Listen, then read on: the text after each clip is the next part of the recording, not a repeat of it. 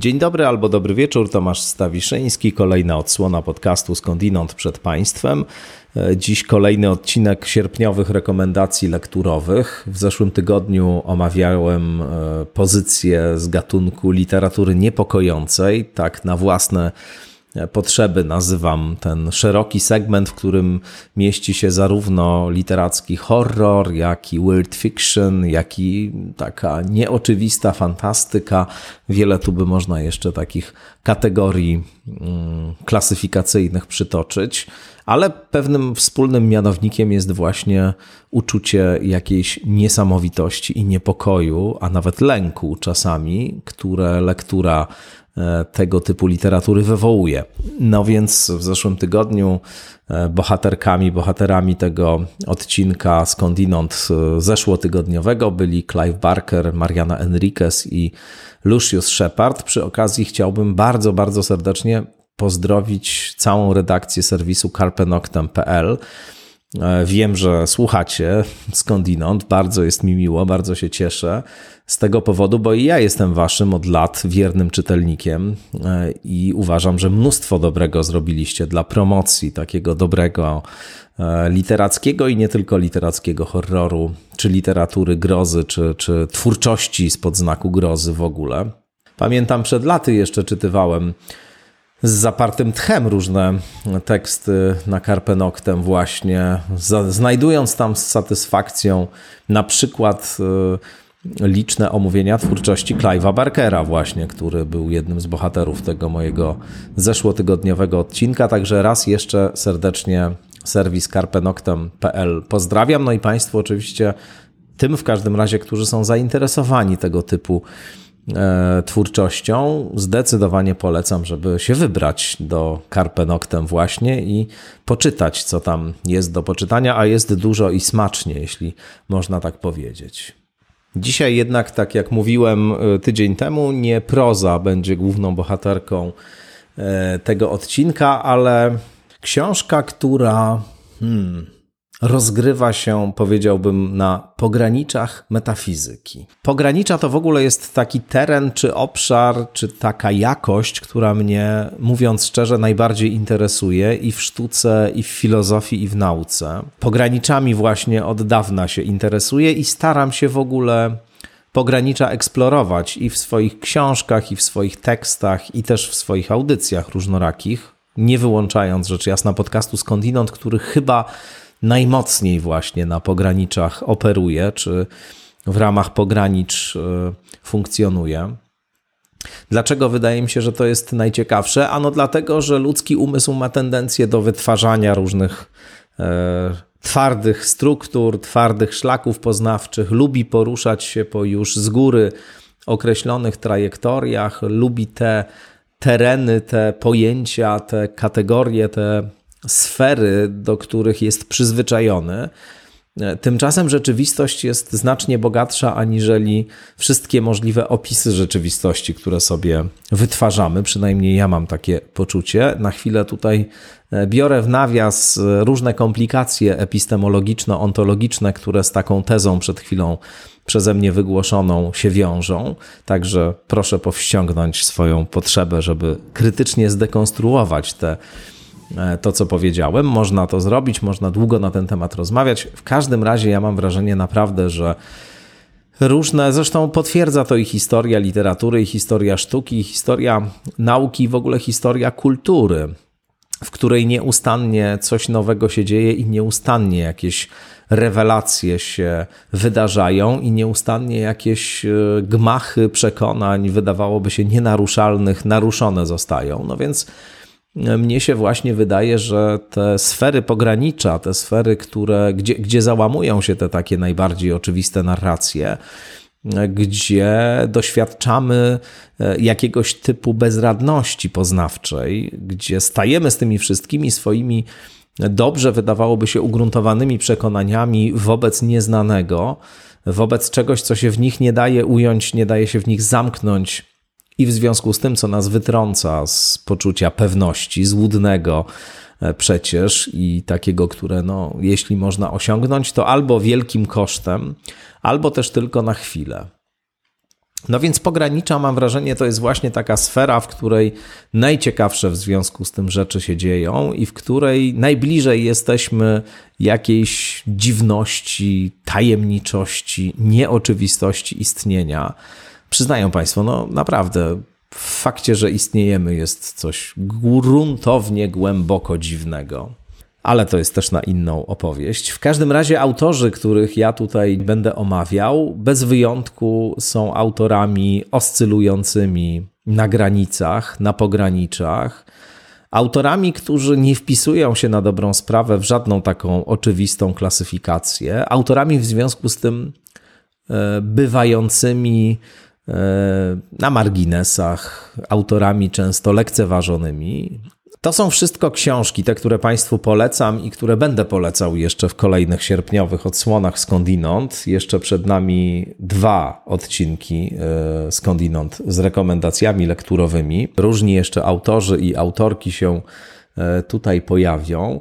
W każdym razie mm, to są wszystko takie książki, które dla mnie samego, te, które Państwu polecam, dla mnie samego były jakimś fundamentalnym doświadczeniem, jakimś przeżyciem, źródłem czegoś na kształt małej, wewnętrznej, światopoglądowej, estetycznej, myślowej, emocjonalnej rewolucji.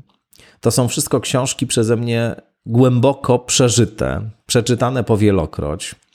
Takie, którymi mam wielką, wielką ochotę i potrzebę się z Państwem podzielić, bo myślę, że to są rzeczy wartościowe, ważne, ale właśnie one wszystkie gdzieś e, z drugiego, trzeciego, czwartego rzędu są, bo są z pogranicz właśnie. To nie są książki, które byłyby, nie wiem, jakoś szeroko omawiane, które można by było znaleźć na listach jakichś klasycznych kanonów, e, etc.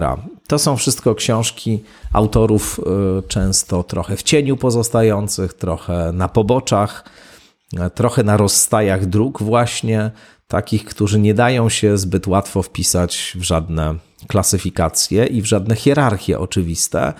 No i dlatego moim zdaniem właśnie są bardzo ciekawi, acz do niektórych z nich, i o tym też będę mówił, rzecz jasna, potrzebny jest stosowny dystans. To znaczy, to też są często rzeczy, w które łatwo się wciągnąć, łatwo je uznać za jakąś E, niemal e, perspektywę objawioną, za coś takiego, co pozwala rozumieć rzeczy ukryte, rzeczy schowane, rzeczy niejawne, ale silnie zawiadujące tym wszystkim, co jawne i widzialne. To jest kasus pierwszego z autorów, którego zaraz będę tutaj omawiał. No i do tego oczywiście potrzebna jest pewna krytyczna perspektywa, e, pewien dystans, pewien rodzaj no, takiego też e, racjonalnego spojrzenia, które dostrzega e, oprócz tego wszystkiego, co ważne i wartościowe, e, również i pewne mankamenty w tych strukturach myślowych czy w tych postawach. No to chyba jest wszystko, co tytułem wstępu chciałem Państwu powiedzieć. Wstępów wszakże hermeneutycznie istotnego dla rozumienia tego, co będzie już za moment powiedziane. Pozdrawiam rzecz jasna wszystkich patronów, patronki, subskrybentów, subskrybentki. Zachęcam do wspierania podcastu Skądinąd także w formie finansowej. Jeśli mogą sobie Państwo na to pozwolić, to dzięki właśnie takiemu wsparciu ten podcast istnieje. Mam nadzieję, że będzie dalej istniał. No a teraz już e, zapraszam Państwa do wyprawy na pogranicza metafizyki.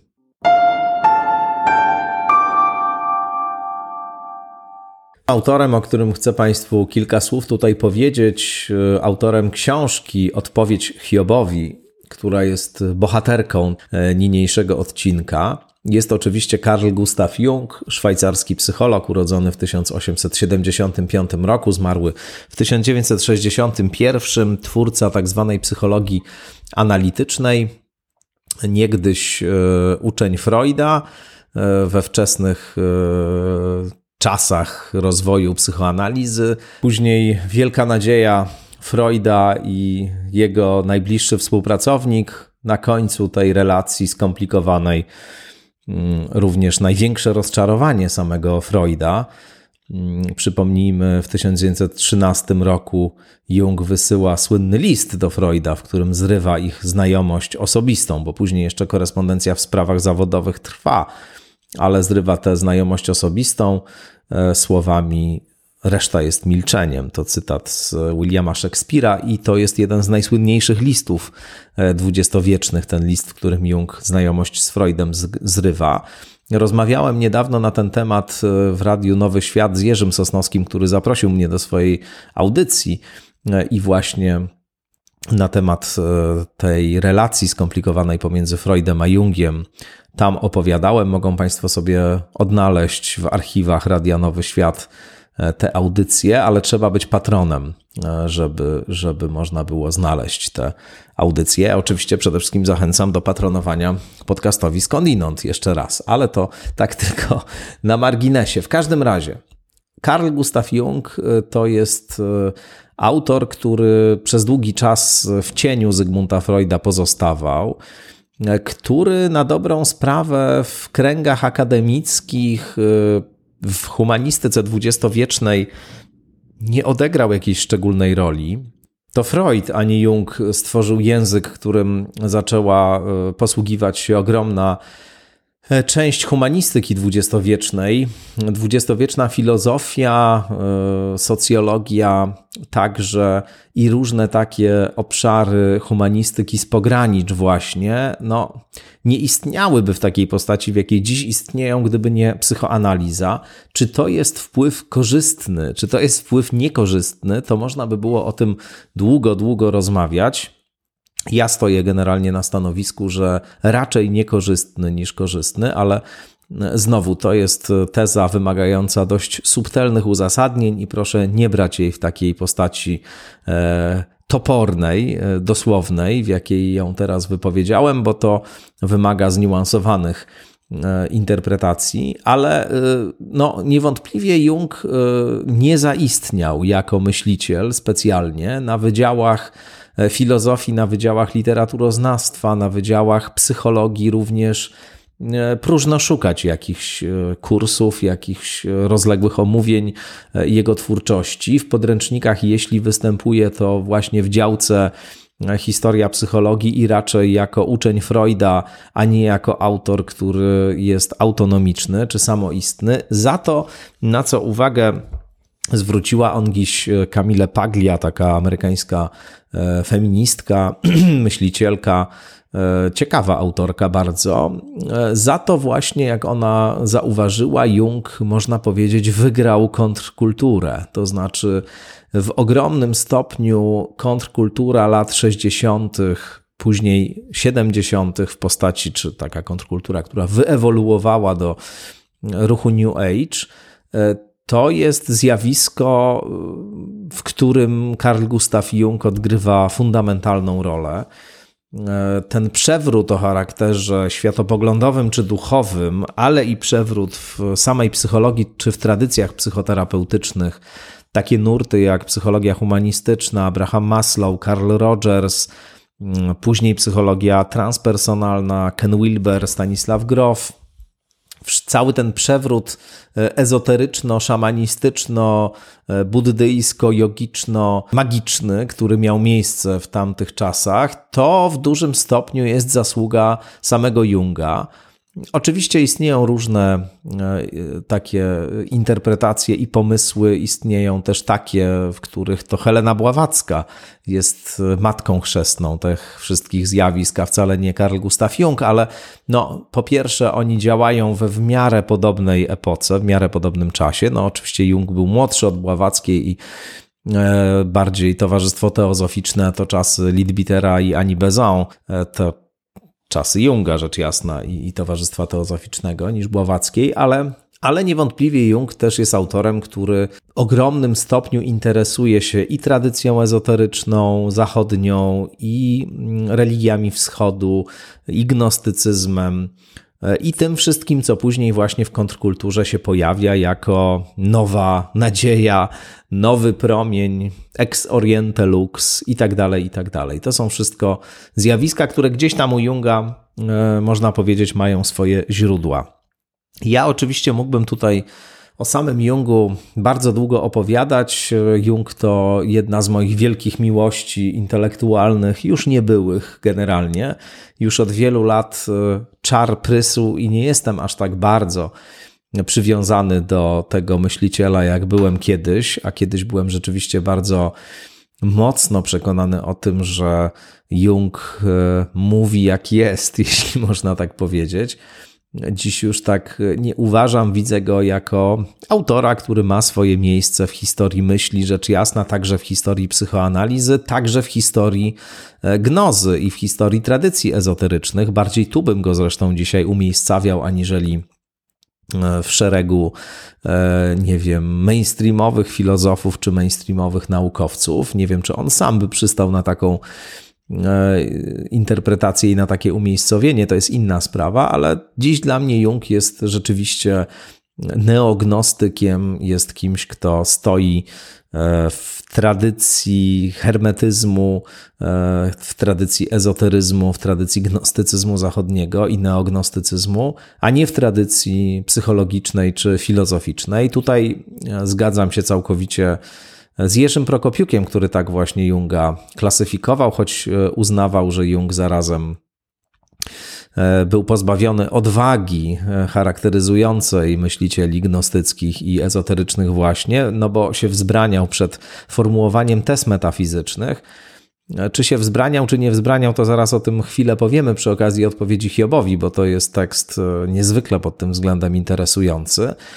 Ale mi się wydaje, że bardzo słusznie, że się wzbraniał akurat i z tego powodu no, nie popadł w takie czcze fantazjowanie, w jakieś takie e, bajdurzenie za przeproszeniem, w jakie na przykład e, Rudolf Steiner niewątpliwie popadł, ulubiony przez e, Jerzego Prokopiuka, ale w każdym razie pamiętam, że się z Prokopiukiem spierałem bardzo intensywnie co do tego, czy Jung jest naukowcem, filozofem, czy też może właśnie neognostykiem. Prokopiuk uważał, że neognostykiem ja te 20 lat temu z okładem uważałem, że absolutnie nie. Dziś e, tak, zgadzam się.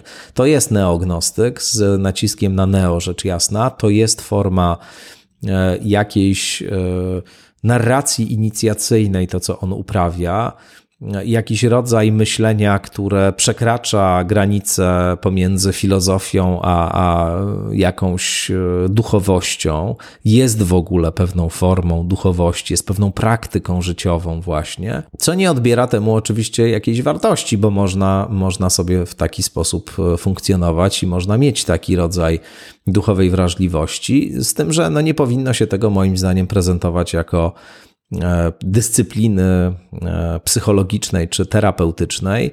Myślę, że praktyką psychologii jungowskiej, praktyką religii jungowskiej jest jungowska terapia, która no właśnie niewiele ma wspólnego z nowoczesną psychoterapią, a wiele ma wspólnego z pewną formą e, specyficznego przewodnictwa duchowego, co znowu E, nie jest samo w sobie w żaden sposób naganne, ale co powinno być, e, jeśli mogę użyć nowoczesnego określenia, obrędowane właśnie w taki sposób, a nie powinno udawać tego, czym nie jest. To samo zresztą dotyczy, dotyczy freudowskiej psychoanalizy, która również jest pewną formą praktyki o charakterze religijnym, e, też pod wieloma względami, jeśli spozycjonowanej jako, jako psychoterapia, to po prostu toksycznej i szkodliwej, bo zakładającej e, wciąganie ludzi w długoletnie zależności, e, oparte oczywiście na, na pieniądzach, e,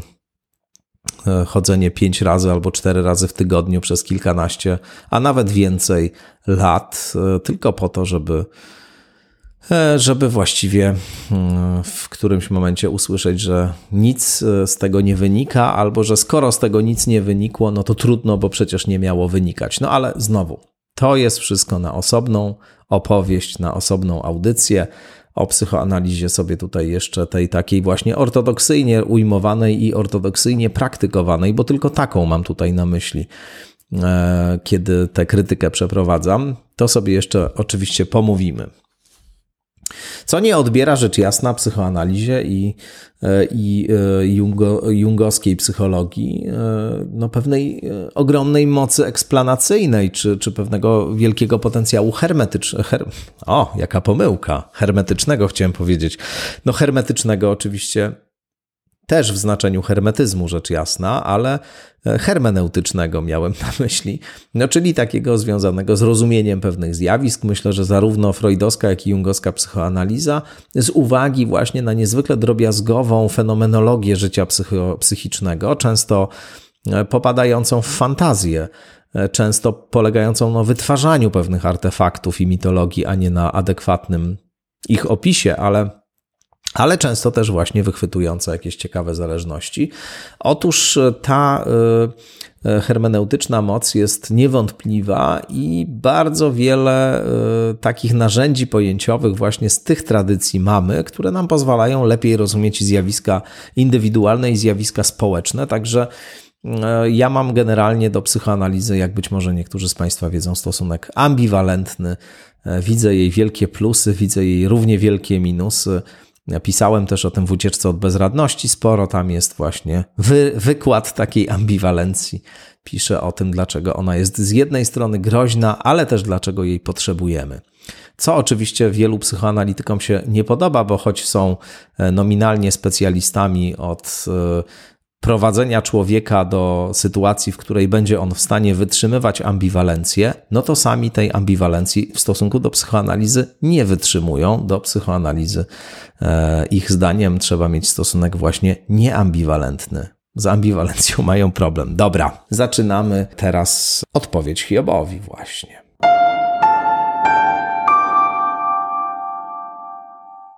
Nie skłamię w żadnym razie, jeśli powiem, że odpowiedź Hiobowi to jest e, moim zdaniem najlepsza absolutnie książka Karla Gustawa Junga. Każdemu z Państwa ją polecam. E, również jako początek przygody z tym myślicielem, który w ogóle jest autorem bardzo nierównym i też trudnym w lekturze. Nie pomagają w tym takie no też nierówne tłumaczenia, które mamy po polsku. Bardzo dobre tłumaczenia Jerzego Prokopiuka, również bardzo dobre tłumaczenia Roberta Reszkę świętej pamięci, ale też Robert Reszkę no bardzo dużo tłumaczył e, i bardzo dużo tłumaczył równocześnie. I robił to bardzo szybko, i e, czasami czuć ten pośpiech w jego tłumaczeniach, więc e, no bywa, z tym, bywa z tym e, momentami różnie, choć jak powiadam, te tłumaczenia też są znakomite i też warto po nie sięgać i też wielka chwała samemu Reszkemu, że się podjął tłumaczenia dzieł zebranych Karla Gustawa Junga. No prawie mu się wszystko udało przetłumaczyć, niestety zmarł i, i, nie dokończył tego, tego dzieła, no a nie widać, żeby ktoś brał się za, za dokończeniem. Tak czy inaczej, całkiem sporo Junga po polsku dzięki Reszkemu mamy, no ale właśnie odpowiedź Hiobowi, jeśli Państwo będą czytali, to e, polecam wyłącznie w tłumaczeniu Prokopiuka, jest o wiele, o wiele lepsze niż to tłumaczenie Roberta Reszkę, ukazało się e, w roku 1995 po polsku. Mm, nakładem wydawnictwa Etos. E, to już jest chyba wydawnictwo nieistniejące w takiej serii Mała klasyka filozofii. Odpowiedź Jobowi to jest książka e, wydana w 1952 roku, ale Jung myślał e, o zawartych w niej ideach bardzo długo i one się też pojawiają oczywiście w różnych jego innych pracach wcześniejszych. To jest książka, która wywołała ogromne poruszenie, stała się przedmiotem kilku niezwykle e, ciekawych i bardzo takich e, poważnych polemik. Chyba najpoważniejszą jest polemika przeprowadzona przez Martina Bubera, żydowskiego filozofa dwudziestowiecznego, bardzo ciekawego zresztą. Ten tekst krytyczny wobec odpowiedzi Hiobowi mogą Państwo znaleźć w takiej niewielkiej książeczce Bubera pod tytułem Zaćmienie Boga, która po polsku też się e, ukazała. Moim zdaniem bardzo jest to trafna e, krytyka, e, choć ona nie, można powiedzieć, dotyka takiego sedna narracji jungowskiej, tylko nieco od innej strony e, próbuje Junga przyskrzynić, e, ale niewątpliwie tam Buber właśnie trafnie zdiagnozował religijno-gnostyczny charakter jungowskiej myśli e, i to, że mamy do czynienia z pewnym podstawieniem czegoś, co w istocie ma charakter no właśnie, religijny, należałoby chyba powiedzieć, za psychologię. Ale też e, Jung ma kilka mocnych argumentów e, w swojej obronie, i wydaje mi się, że te argumenty należy uwzględnić. Zaraz o nich powiem. Cóż to jest za książka? A, jeszcze może jedna ciekawa informacja. Otóż przez wiele lat Jung korespondował z pewnym dominikaninem, ojcem Wiktorem White'em, E, dominikaninem, filozofem, teologiem, autorem też e, ciekawych książek, bardzo przychylnym e, i psychoanalizie, i w szczególności właśnie psychologii jungowskiej. Było wtedy kilku czy kilkunastu takich autorów z kręgu katolicyzmu właśnie, czy, czy chrześcijaństwa szeroko rozumianego, którzy Junga czytywali, którzy którzy jakoś tam uznawali go za, za ciekawego myśliciela. No i właśnie Victor White był jednym z takich autorów, z takich postaci. Ta znajomość bardzo bliska pomiędzy White'em a Jungiem skończyła się de facto w momencie publikacji odpowiedzi Hiobowi. To znaczy, dla Wiktora White'a ta książka stała się no, kamieniem obrazy, jeśli można tak powiedzieć. Stała się źródłem separacji i, i zerwania zarówno z jungizmem, jak i samym Jungiem. Przejmująca jest ta ich e, korespondencja. E, jest taki tom listów Karla Gustawa Junga o istocie psychiczności. Ten tom się nazywa, i tam całą tę korespondencję z Wiktorem White'em można przeczytać. Ona jest w ogóle bardzo ciekawa nie tylko dlatego, że dziś już się takich listów nie pisze, ale także dlatego, że po prostu mnóstwo niezwykle istotnych problemów i ciekawych tam jest poruszanych, na czele z głównym problemem, który Junga zawsze trapił i który był dla niego samego mm, osobiście czymś e, niezwykle intensywnie przeżywanym i takim, co go ogromnie angażowało, nie tylko intelektualnie, ale i emocjonalnie. Chodzi oczywiście o pytanie undemalum, skąd zło. Jak to jest możliwe, że e, ten dobry Bóg nominalnie w tradycji ortodoksyjnej chrześcijańskiej po pierwsze pozwala na dobre, e, o, znowu jaka pomyłka, na dobre, na złe rzeczy, rzecz jasna. Jak to jest możliwe, że on na zło w takiej potwornej skali, tak ogromnej skali w świecie pozwala.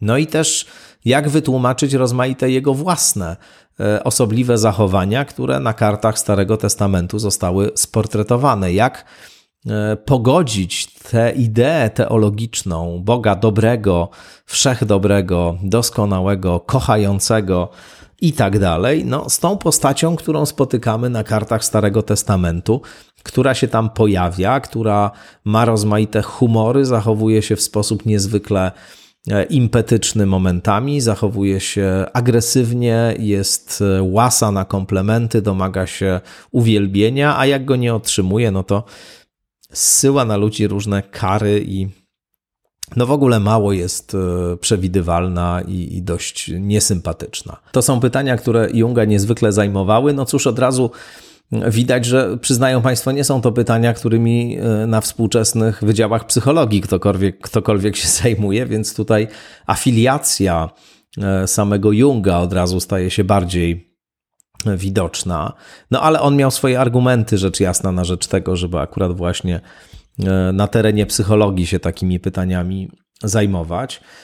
W każdym razie też e, gnoza e, była bardzo mu bliska, rzecz jasna, gnoza starożytna, mm, którą widział jako taką przestrzeń spontanicznego manifestowania się e, symboli w ogóle dla Junga e, symbole odgrywają niezwykle istotną rolę. Psychika, zarówno indywidualna, jak i zbiorowa, ma pewną zdolność e, wytwarzania, mówiąc w cudzysłowie, symboli. Poprzez symbole przemawia. Jej pierwotnym językiem jest język obrazu, język symbolu właśnie, który ma to do siebie, że ujmuje treści e, logicznie rzecz biorąc niemożliwe do połączenia ze sobą i w całość je spaja. No i oczywiście w tych tradycjach ortodoksyjnych, e, tam gdzie działa Kościół, gdzie działa e, układ e, teologiczny, jakaś instytucja, która pilnuje pewnej wykładni, tam mm, ta spontaniczna zdolność psychiki do generowania symboli zostaje ograniczona. Tam zostają one podporządkowane pewnej narracji racjonalnej, właśnie intelektowi, interesowi i różnym innym takim niespontanicznym, niepsychologicznym siłom, co rzecz jasna powoduje, że te psychiczne potrzeby generowania symboli czy dążenia, czy to psychiczne dążenie do, do specyficznej pełni, e, taki jest telos e, życia psychicznego według Junga właśnie. Każdy z nas e, doświadcza bolesnego rozdarcia, rozdzielenia, ale do pełni w sposób spontaniczny, niejako nieświadomie dąży, choć może się tym dążeniom aktywnie też przeciwstawiać i właśnie takie racjonalne, teologiczne analizy nas przed doświadczeniem pełni E, chronią w cudzysłowie. No ale oczywiście to gdzieś też e, w cudzysłowie wybija e, ta, ta spontaniczna siła psychologiczna dążąca do pełni, nawet jeśli jakieś kagańce na to instytucje religijne nakładają i pewne symbole definiują jako nieadekwatne, niedobre, E, takie, w które, które niosą ze sobą jakieś zagrożenie. No i w chrześcijaństwie właśnie, które dla Junga jest takim e, polem manifestowania się e, przede wszystkim pewnych treści o charakterze archetypowym. Archetypy to takie bazowe struktury w zbiorowej nieświadomości obecne, które określają kształt naszego doświadczania sytuacji granicznych, sytuacji fundamentalnych. E, o archetypach też długo by można mówić. E, w każdym razie, e, właśnie takie mitologie, religie różnego rodzaju to są sfery, w których w sposób symboliczny, czyli już ukonkretniony, te archetypowe treści się manifestują. No i chrześcijaństwo jest według Junga właśnie takim polem, ale niestety bardzo źle uprawianym przez ortodoksyjnych teologów E, którzy rozszczepiają obraz bóstwa, e, które jest pełnią według Junga właśnie, tak jak każde e, szanujące się bóstwo, zawiera w sobie przeciwieństwa, dobro i zło, ciemność i światło, męskość i żeńskość i tak. No więc ta teologiczna refleksja rozszczepia obraz bóstwa i sprawia, że mamy tutaj ojca, tutaj syna, tam matkę, a tu jeszcze diabła, jako kogoś, kto w ogóle z tej rodziny został przepędzony, a to przecież jest wszystko tak naprawdę jedno. Matka Boska, Jezus Chrystus, Bóg Ojciec, Duch Święty oraz szatan, według Junga, są po prostu różnymi aspektami tego samego. Czego? Bóstwa? No, Jung mówi nie bóstwa wcale, bo ja się w ogóle nie zajmuję bóstwem, ja nie wiem, jakie jest bóstwo, być może ono jest, być może go nie ma. Ja się na temat metafizyczny nie będę wypowiadał, bo przecież to jest domena teologii. Ja mówię jako psycholog, a psycholog stwierdza tylko tyle, że w ludzkiej psychice jakiś obraz bóstwa istnieje. Bóstwo jest gdzieś poza nami, ale my mamy psychikę, my mamy wyobraźnię, no i w tej wyobraźni i psychice jakoś sobie tego Boga uobecniamy, jakoś go sobie wyobrażamy. I to jest właśnie ten obszar, który mnie interesuje, mówi Jung, ten obszar wyobrażenia bóstwa, ten obszar psychologiczny zatem. No bo właśnie wyłącznie zainteresowany tym, w jaki sposób obraz bóstwa wygląda w naszej duszy, czyli w naszej psyche. No, trudno odmówić pewnej zasadności takiemu myśleniu. Ono się też głęboko wiąże z całą tą rewolucją, jaką i Freud i Jung dokonali w myśleniu e, dwudziestowiecznym i w ogóle, wskazując na pewien teren dotąd jakoś traktowany po macoszemu albo e, w ogóle nie obejmowany zainteresowaniem, czyli właśnie na psychę, na psychikę, na tą specyficzną sferę, która przenika e, nasze ja, choć nie jest z nim tożsama, jest czymś więcej niż nasze ja, jest tą sferą, w której rozgrywają się emocje, pojawiają wyobrażenia, pracują fantazje. No jest czymś więcej właśnie aniżeli to, co racjonalne i świadome. Jest też sferą nieświadomości w ogromnym stopniu. E, I e, właśnie i Freud, i Jung zajęli się specyficznie tym terenem. ten teren właśnie uczynili obiektem swojego głównego zainteresowania. Nie spekulacja pojęciowa, zatem, a praca e, spekulatywna z fantazjami, ze spontanicznymi e, wytworami e, psychiki, manifestującymi się w snach, w dziełach kultury, właśnie w mitach, w symbolach religijnych, ale też w symptomach, w różnych zaburzeniach, tak zwanych psychicznych w halucynacjach, w omamach, w czynnościach pomyłkowych. To jest wszystko ten obszar, który e, traktowany był właśnie jako coś takiego drugorzędnego, mniej istotnego, a tutaj nagle stał się obszarem głównym. No i odpowiedź Hiobowi to jest, można powiedzieć, książka właśnie, która tym obrazem bóstwa w ludzkiej psychice i indywidualnej i zbiorowej się zajmuje. Jung też mówi, to jeszcze jedna dygresja w pewnym momencie, no że każdy z nas ma taki jakiś e, wewnętrzny obraz e, bóstwa w swojej głowie, nawet tego bóstwa, które uważa za nieistniejące.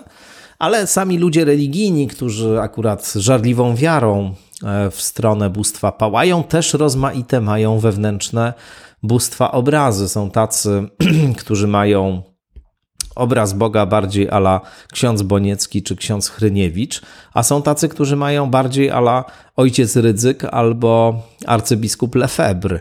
E, jedni mają ten obraz bóstwa takiego bardziej e, tolerancyjnego, rozumnego, kochającego, inni bardziej karzącego, restrykcyjnego, surowego itd. Tak to jest, mówi Jung, też kwestia psychologiczna, to znaczy ma to jakiś związek właśnie z w tym przypadku indywidualną psychologią, ale zarazem, jeśli popatrzymy na to, jak bóstwo przedstawiane jest w takich wielkich tekstach kultury, no to jest to już kwestia psychologii zbiorowej. Coś innymi słowy o nas, o kulturze, o ludzkości mówi sposób, w jaki przedstawiamy sobie bóstwo.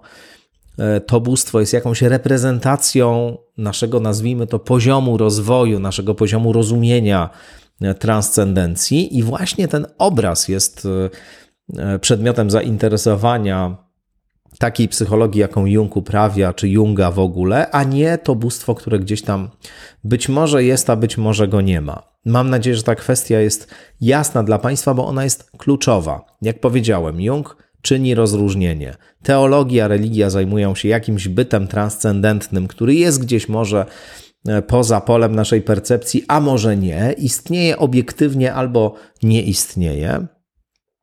Ale ja, mówi Jung, jako psycholog tego nie rozstrzygam. Nie wiem, czy on istnieje, czy on nie istnieje, i on mnie w ogóle jako istniejący bądź nieistniejący jako transcendentny, jako byt nie interesuje. Interesuje mnie to, jak my sobie go wyobrażamy. To jest moje pole zainteresowania. I tym się właśnie zajmuję w książce Odpowiedź Hiobowi.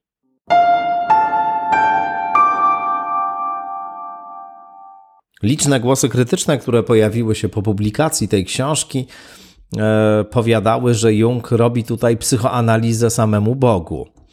E, złośliwe to e, niewątpliwie, no bo ostatecznie każdy ma prawo do analizowania wielkich tekstów kultury na swój sposób i z pomocą swojej metodologii, ale coś jest w tym zarzucie rzeczywiście, a może nie zarzucie, może po prostu diagnozie. On faktycznie analizuje Jahwe, analizuje Boga Starego Testamentu, tak jakby był to jego pacjent, czy tak jakby dostał do oceny, na przykład superwizyjnej, zachowania wypowiedzi owego, owego pacjenta na podstawie tekstów e, starotestamentowych, ale też na podstawie wielu tekstów apokryficznych, czyli takich, które do ortodoksyjnej wersji Pisma Świętego nie weszły, także tekstów gnostyckich, także różnych mitów, które wokół rozmaitych mitologemów e, z tradycji e, chrześcijańskiej czy judaistycznej e, narosły, czy funkcjonują. No, na podstawie tego wszystkiego Jung robi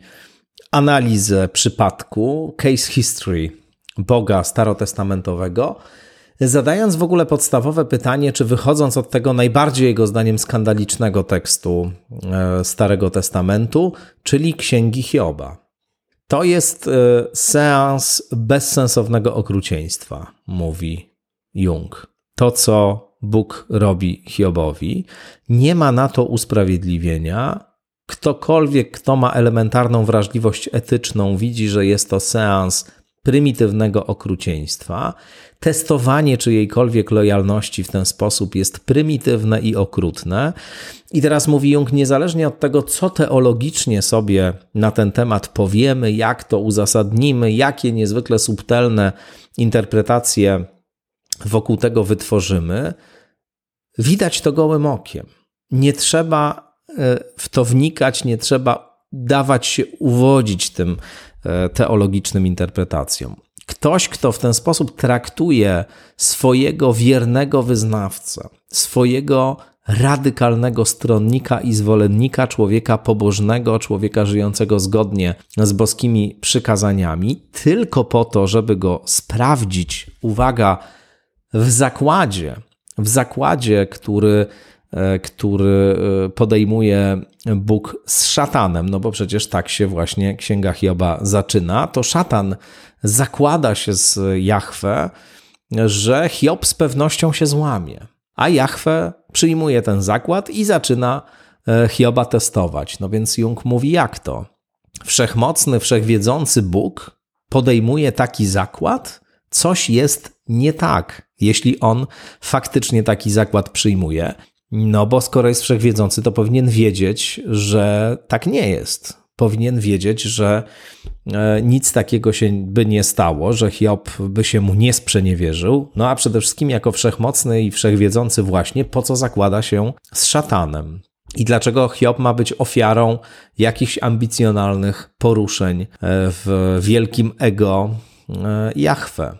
Wydają mi się to niezwykle celne e, obserwacje i rzeczywiście można na różne sposoby wytwarzać jakieś hermeneutyki, e, teologie, które będą usprawiedliwiały to zachowanie Jahwe. Natomiast e, no, biorąc to tak dosłownie, biorąc to jeden do jednego, patrząc po prostu na to, jak na historię pewnego bytu, który, mm, który w określony sposób się zachowuje, no to trudno nie uznać, że coś jest nie tak z tym bytem, że tam jakieś proporcje zostały zachwiane. Otóż Jung powiada, no ewidentnie to jest byt, który jest nieświadomy, który poruszany jest jakimiś swoimi impulsami, który nie wie sam, a w każdym razie nie ma dostępu do owej wszechwiedzy deklarowanej, nie potrafi z niej skorzystać w tym prostym przypadku, to także jest byt, który etycznie jest niezwykle problematyczny. Mówimy cały czas o Jachwę.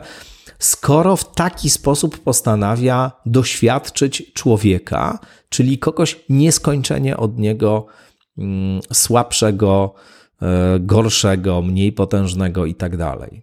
Nie da się tego usprawiedliwić po prostu. Jest to głęboko, głęboko absurdalne, prymitywne i okrutne. Przyglądając się temu, co się w tej e, księdze Hioba na, następnie dzieje i temu, jak Hiob wytrzymuje te wszystkie razy, które na niego spadają, a rzeczywiście spotyka go los radykalny. On traci wszystko, traci bliskich, traci e, wszystkie dobra materialne, zdrowie, no wszystko traci po prostu. Cierpi przepotwornie, te cierpienia są rzeczywiście bardzo też drobiazgowo tam opisane. A jednak e, wytrzymuje, jeśli można powiedzieć, tę próbę, jednak cały czas e, trzyma fason, nie traci kontenansu. Co się dzieje wtedy, powiada Jung, właśnie w tym e, związku, w tej dynamice pomiędzy Jahwe a Hiobem? Otóż Hiob okazuje się być kimś o znacznie wyższym poziomie moralnym aniżeli ów Bóg. Hiob, który zachowuje się tak, jak się zachowuje, zarazem uzyskuje także specyficzny rodzaj wtajemniczenia, to znaczy bóstwo przed Hiobem się odsłania. Odsłania swoją ciemną, nieświadomą, impulsywną, agresywną, okrutną stronę. Hiob dostępuje wtajemniczenia w tej księdze, mówi Jung. Właśnie takiego. Oto bóstwo zdziera wszystkie maski z twarzy, oto bóstwo staje przed nim no, w taki sposób pozbawione wszelkich iluzji i zasłon. Coś z tym trzeba zrobić, rzecz jasna. To znaczy, ten moment jest jakoś istotny w logice rozwoju samego bóstwa, mówi Jung. Jakoś tam samo bóstwo y, uświadamia sobie, co się wydarzyło. Uświadamia sobie, że człowiek przekroczył je moralnie, że człowiek je moralnie przewyższył. No i że się odsłoniło właśnie w taki sposób, w taki sposób, no, y, dość radykalny, jeśli można tak powiedzieć. No i e, odpowiedzią tytułową Hiobowi według Junga jest wcielenie Chrystusa. Znowu cały czas mówimy o pewnym micie, mówimy o pewnej opowieści. Nie mówimy o dosłownych wydarzeniach. Junga w ogóle nie interesuje, czy tam naprawdę się to wydarzyło, czy nie. Ale mówimy o pewnej historii, o pewnej opowieści. I teraz, po co w ogóle jest to wcielenie? Pyta Jung w tej historii. Cóż to za pomysł fabularny, żeby było wcielenie? No, powiada, źródeł tego pomysłu fabularnego należy szukać właśnie w księdze Hioba i właśnie w tym momencie, w którym bóstwo uświadomiło sobie, że stoi niżej moralnie od człowieka.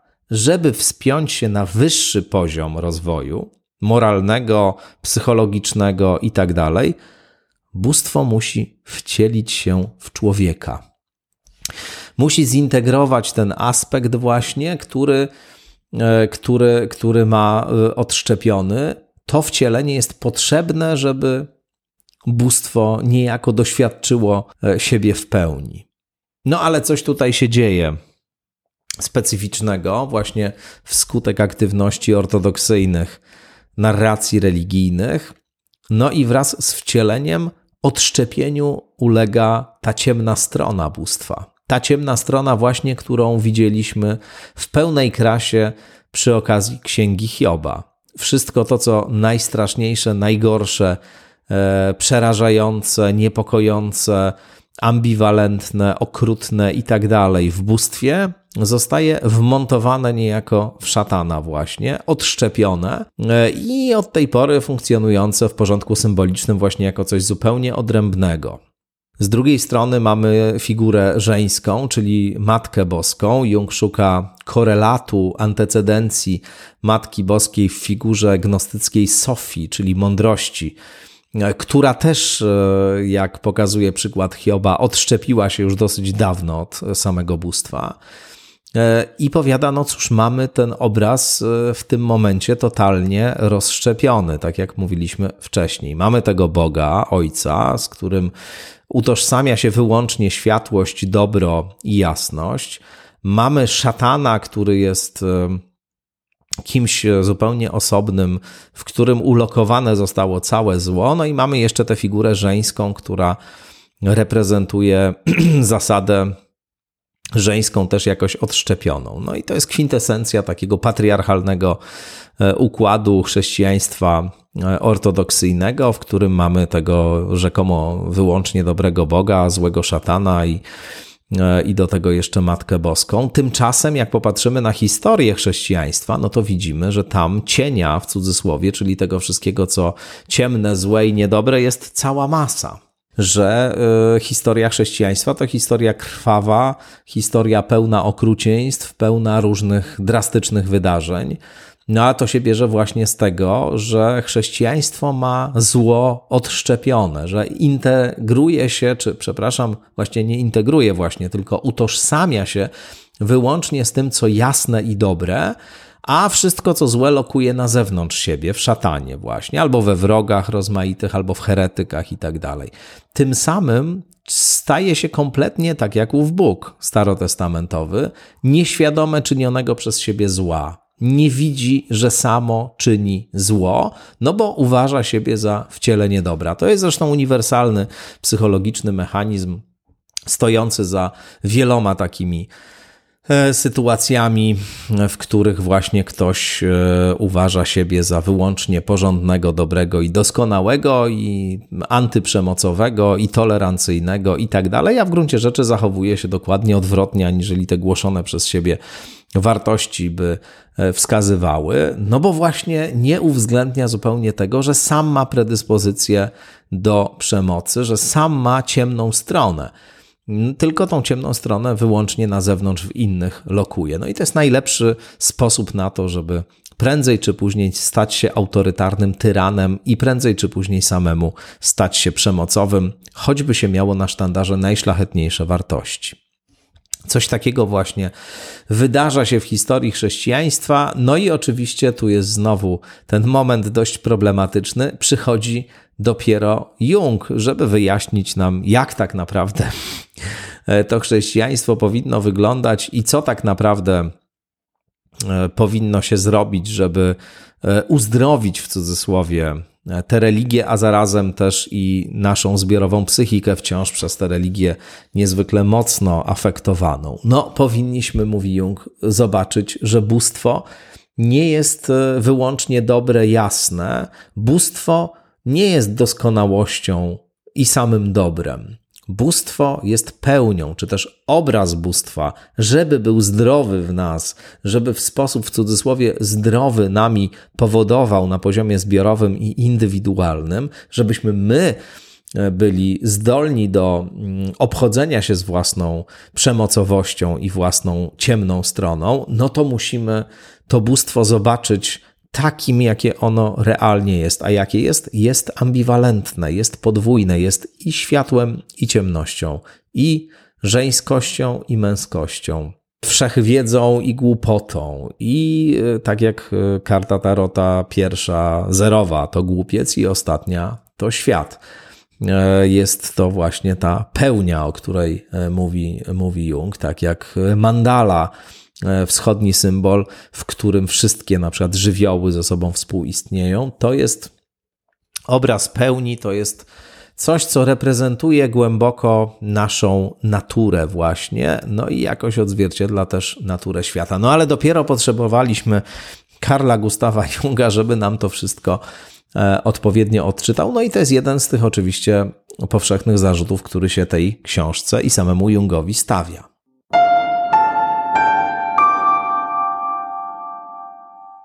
Mimo wszystkich tych zarzutów, mm, które niewątpliwie są zasadne, bardzo, bardzo serdecznie rekomenduję Państwu lekturę odpowiedzi Hiobowi. Uważam, że to jest jeden z najciekawszych tekstów w dwudziestowiecznej e, filozofii czy psychologii, że to jest niezwykle śmiały e, sposób myślenia o kwestiach religijnych, że to też wyciąga nasze myślenie o religii z jednej strony z takiego mm, ortodoksyjnego schematu, że to są jakieś sprawy wiary, które w ogóle y, poza y, kwestiami teologiczno-kościelnymi nie powinny być rozpatrywane. Z drugiej strony wyjmuje religię z takiej szuflady, w którą część racjonalistów dzisiaj czy ateistów racjonalistycznie usposobionych ją wkłada, a że to jest po prostu stek bzdur, mitów dawnych, które żadnego znaczenia dla nas dzisiaj nie mają.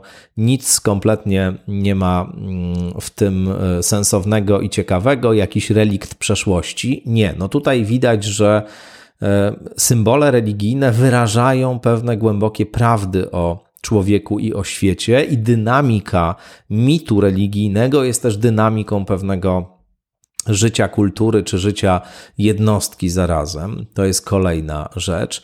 No i po trzecie, właśnie e, wyjmuje to e, myślenie religijne, ortodoksyjne z tego schematu takiego, takiego trzymania się pewnych kanonów e, rozumienia, trzymania się pewnych utartych szlaków. Tutaj naprawdę Jung pokazuje, że mit religijny, on też przygląda się dogmatu, dogmatowi o wniebowstąpieniu Matki Boskiej, e, ogłoszonemu e, w połowie XX wieku e, ku uciesze samego Junga, bo uznawał, że to jest właśnie wyraz jakby takiego integrowania się tego rozszczepionego obrazu, ale no niezwykle to jest ciekawe, jak można przyglądać się takim sprawom, wydawałoby się właśnie zupełnie odszczepionym od realiów życia społecznego, jak dynamika rozwoju mitu religijnego i widzieć w nim jakiś proces y, ważny, y, czy w nich widzieć pewien proces ważny dla całej kultury. No i poza tym to jest po prostu świetna wywrotowa lektura, myślę. Taka, która, która także dla, myślę, przede wszystkim osób, które albo są wierzące, albo mają jeszcze w sobie jakieś mm, ślady wiary, jakieś ślady przywiązania do chrześcijaństwa, no może właśnie dać im jakąś zupełnie nową perspektywę, ciekawą, w myśleniu o tych kwestiach. Dla mnie to jest książka, jak powiedziałem, e, najlepsza w dorobku Karla Gustawa Junga. Często do tej książki wracam, e, często o niej myślę. I ona w, no, w bardzo, bardzo gruntowny sposób zmodyfikowała mój e, sposób myślenia o sprawach religijnych, e, czego i Państwu oczywiście życzę. Myślę, że lektura odpowiedzi Hiobowi to naprawdę będzie duże wydarzenie w Waszym intelektualnym, imaginacyjnym, a może i duchowym życiu. Bardzo dziękuję za to spotkanie. Do usłyszenia za tydzień. Będą kolejne rekomendacje lekturowe. Miałem taką nadzieję, że mi się uda w tym odcinku co najmniej trzy zmieścić, no ale zapomniałem, że jako odpowiedzi Hiobowi zacznę już mówić, no to sporo do powiedzenia będzie. I tak powiedziałem jakieś 5% tego, co bym miał na temat tej książki, no i samego Junga do powiedzenia. No ale będziemy nadrabiać te zaległości już w kolejnym odcinku. Do usłyszenia. Raz jeszcze wszystkiego dobrego.